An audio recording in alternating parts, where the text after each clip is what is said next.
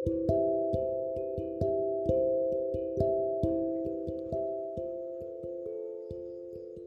ingat kali pertama aku membuat puisi adalah ketika aku kelas 4 sekolah dasar. Hari itu benar-benar tidak menyenangkan.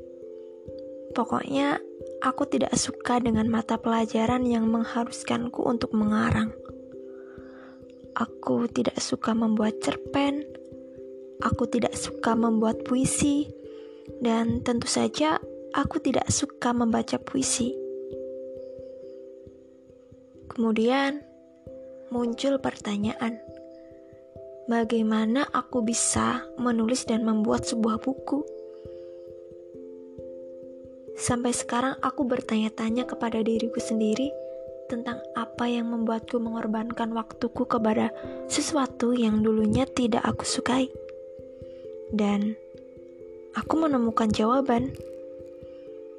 Tidak perlu jauh-jauh karena itu hanyalah perkara asmara.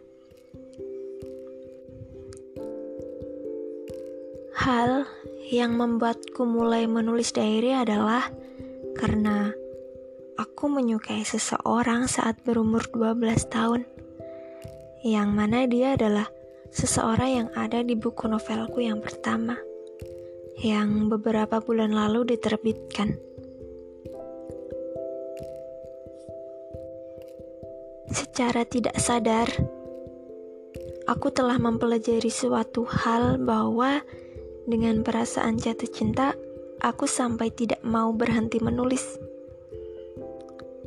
Setiap hari adalah penting. Aku merasa aku tidak bisa menulis dengan menunggu kisah dalam hidupku selesai, karena kita memang tidak pernah selesai. Inspirasi selalu datang dia lewat di depanku bisa menjadi cerita. Dia pergi ke kantin bisa menjadi sebuah cerpen. Dia menyapaku itu bisa menjadi puisi yang begitu luar biasa bagiku. Dan tentu saja pada awalnya itu terkesan norak dan sama sekali tidak bagus.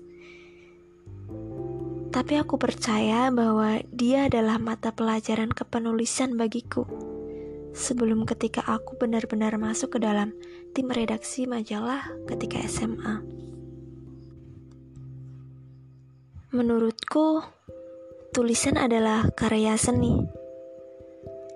Aku ingin selalu menghargai gaya dan isi tulisan setiap individu.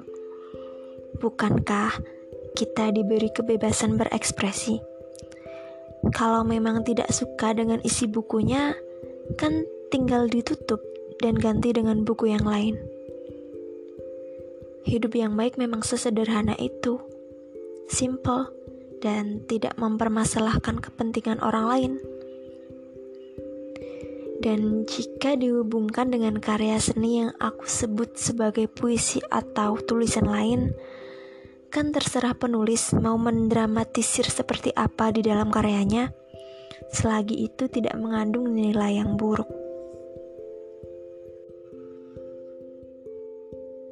Sudah hampir 8 tahun aku menulis diary.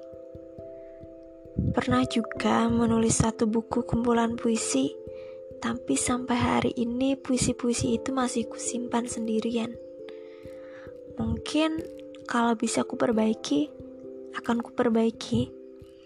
Puisi-puisi pada tahun 2013 sampai 2015 semoga masih bisa ditemukan.